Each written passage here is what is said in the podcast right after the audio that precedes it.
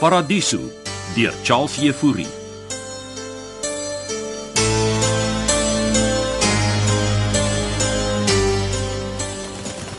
Waar is ons? Maak dit saak. Is ons by julle kantore? Nee, hè? ons neem gevalle soos jy nie direk na ons kantore by HQ nie. Ek wil nie hê my kollegas moet vra vra nie. Waarvoor is die lig? Ek dog jy ken die soort lig. Luister, ek, ek het die reg om 'n prokureur te sien. Nie vir 48 uur nie, Rademeier. Jy gaan niks uit my uitkry nie. Ons sal sien. Jy's nie die enigste een wat opgelei is aan ondervragingstegnieke nie. Jy mag dit nie doen nie. Ek het 'n stukkie papier van heel bo by NHI gekry wat vir my sê ek mag enigiets met jou doen omdat jy en jou vriende ons staatsveiligheid bedreig, Rademeier. Hoekom bind jy my vas? Ek vra die vraag vandag. Ek gaan nie weggaan nie. Nee, maar ek wil nie hê jy moet jouself seermaak nie. Ek, ek kan jou nie sien nie. Hoe weet jy hoe daardie laities gevoel het wat jy daar in die kelder gebreinwash het met jou rasisme? Jy gaan hiervoor betaal, Jacobs. So, waar sal ons begin? Ek sê niks. Lyk my hy's lus vir die tang Wat se tang? om jou tonels mee skoon te maak. Dis onwettig. Ek kan altyd sê jy het jou tone gestamp. Wat doen jy? Eina, bloed vir my. Ah, Moenie worry nie. En nou sal weer teruggroei. Miskien is jy lus vir yswater. wat die hel doen jy aan my? Ek soek antwoorde en ek soek hulle vinnig. Oké, oké, alsjeblieft. Hou dit op. Ik zal praten. Kort, die generaal. Ja. Eh, hij heeft ons gepland in die politie en, en die weermacht en, en een paar andere staatsdiensten. Hulle werk is om jullie te monitoren en inlichting aan ons deur te geven. Maar, maar dat is al wat ik weet. En ik moet een oog op Frans en zijn dochter houden. Hoekom? Maar in geval Frans tegen ons zou draaien. In die sogenaamde 12 apostels met die bombaadjies wat jy ontwerp het, waarheen is hulle op pad? Nee, die generaal weet dit. Ik zweer. Moenie vir my lieg nie, Rademeier. En, ah, au. Jy het nog 8 naels op jou tone oor Rademeier en dan is daar nog die oudjies aan jou vingerpunte. Ek sweer ek weet nie waar jy dan op pad is nie. Moenie weggaan nie, Rademeier. Ek is nou nou terug. Jacobs. Marika. Wanneer? Ek bel jou later. Eh, Dankie dat jy my laat weet. het. Wel, ek het sopas verneem dat een van my beste vriende, kolonel Trik September dood is, Rademeier. As gevolg van julle toedoen. So jy gaan moet praat want ek is nie meer in 'n goeie by nie.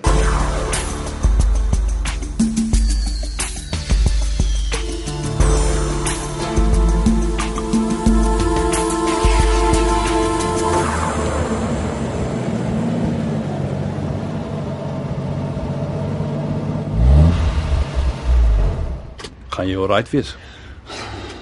Ek dink so. Ek het vir Oscar laat weet. Enige woord van Frans Malan. Ek het hom nie gevra nie. Ons kan nie dat kolonel September se dood ons ondersoek nou laat ontspoor nie, Marika.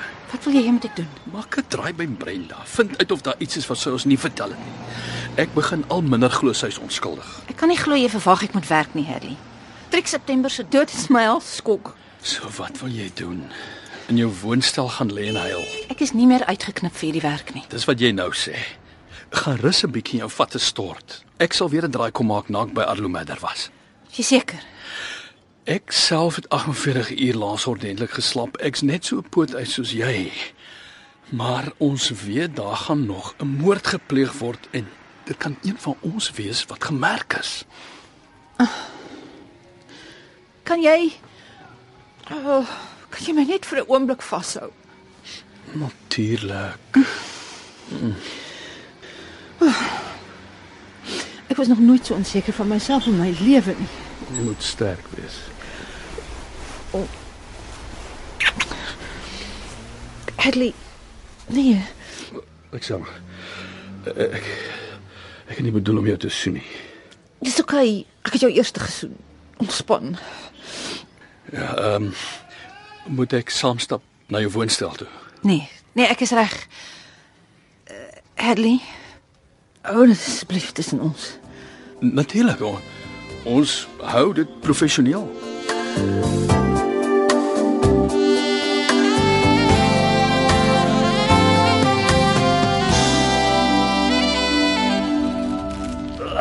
Ek kan nie meer nie, asseblief.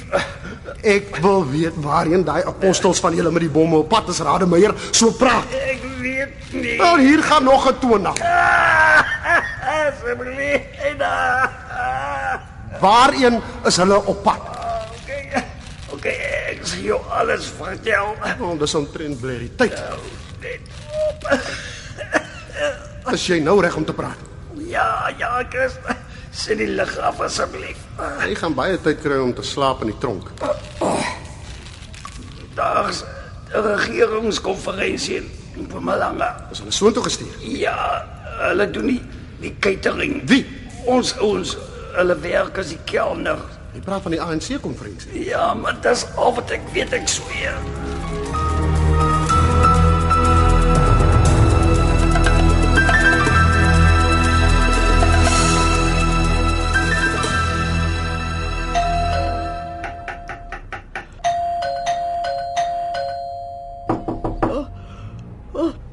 Wie's daar? Dis ek, Hadley. Oh. Eh. Kom in. Jy gerus? Ja, dankie. Voel jy? Mm, beter. Ek het vir jou iets gebring om te eet. Baie dankie. Hoe, hoe laat is dit? Dit is amper na 7. Ooh, het ek lank geslaap. Ehm, um, waar sit ek die kos? Eh, Som op die tafel. Sal ek borde kry? Ja, asseblief. Was jy ehm was jy toe by my daaraan? Ja. En Hy dink die moordenaar wat ons soek is iemand wat verlief is op sy suster en hom probeer naboots met die moorde. het hy dit nie al voorheen gesê nie? Wat eet ons? Vegetarian pasta. Dis te fancy nie. O, oh, lyk lekker skep. Die vraag is nou, wie sou so verlief op Brenda wees om almal rondom haar te vermoor? Insluitende kolonel September. Ah, sy het tog niks aan Brenda gedoen nie. Presies.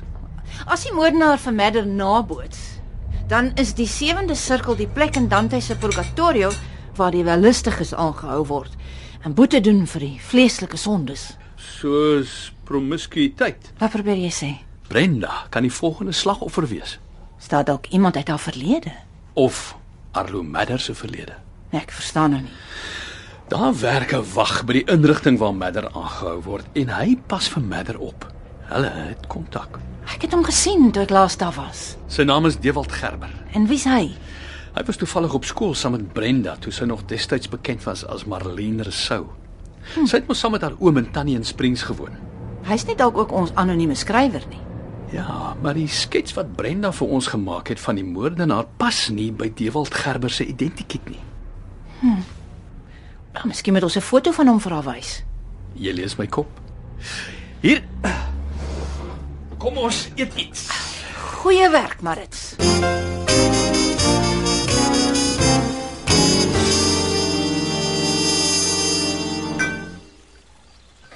Gaan jy iets drink? Eh, Kry vir jou. Hoe lank gaan jy met hier hou Frans? Ah, Tot ek van Oscar Jacobs gehoor het. Kan ek vir Martha vra om vir ons aandete te maak? As jy wil. Moet net nie iets probeer. Ek sien jy het toe 'n wapen saamgebring. Eh, Voorsorgmaatreël. Martha, jy kan vir ons aandete maak. Sommige net iets lig asseblief. Ja, goed generaal. Jy besef natuurlik dat ek nie baie lank sal sit nie, En hoekom is dit so? want ek het vriende met geld, Frans. Geld gaan jy nie uit hierdie inkoopie koop. geld koop alles, my vriend. Jy kan dinge maklik maak en vir my sê wat Tinus is. En hoe gaan dit dinge makliker maak? Jy kan alles op Rademeier se skouers laai. Sê dit was hy wat onder jou neus die plaas gebruik het om jou ons op te lei en nie terreuraanvalle beplan het.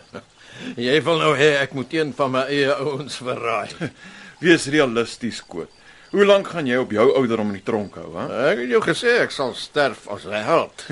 In die oë van 'n paar mense miskien, maar vir die wêreld se joernaliste sal jy net nog 'n waansinnige verregse ou oomie wees. Wel, selfs al vertel ek jou waar Tinus is. Hoe gaan julle die ander 12 opspoor? Wel, ek dink Oscar sal daai inligting uit Gielrademer kry as hy dit nie alreeds het nie. Giel sal nie praat nie. Daarvan moet jy nie so seker wees. Giel se prokureurs is reeds besig om sy borgtog te bewerkstellig. Ek sien nou dis waar jy die fout maak. Met geld wat alles koop. Waarvan praat jy?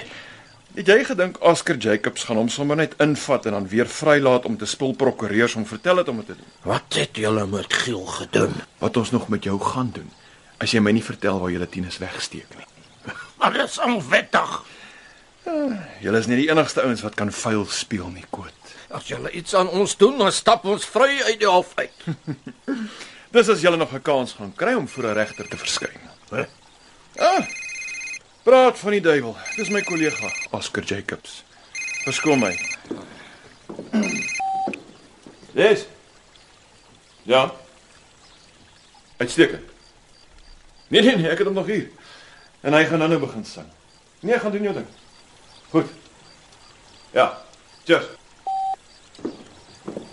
Ah, Lyk my jou ou staatmaker soldaat Giel Rademeier het gekrek koot.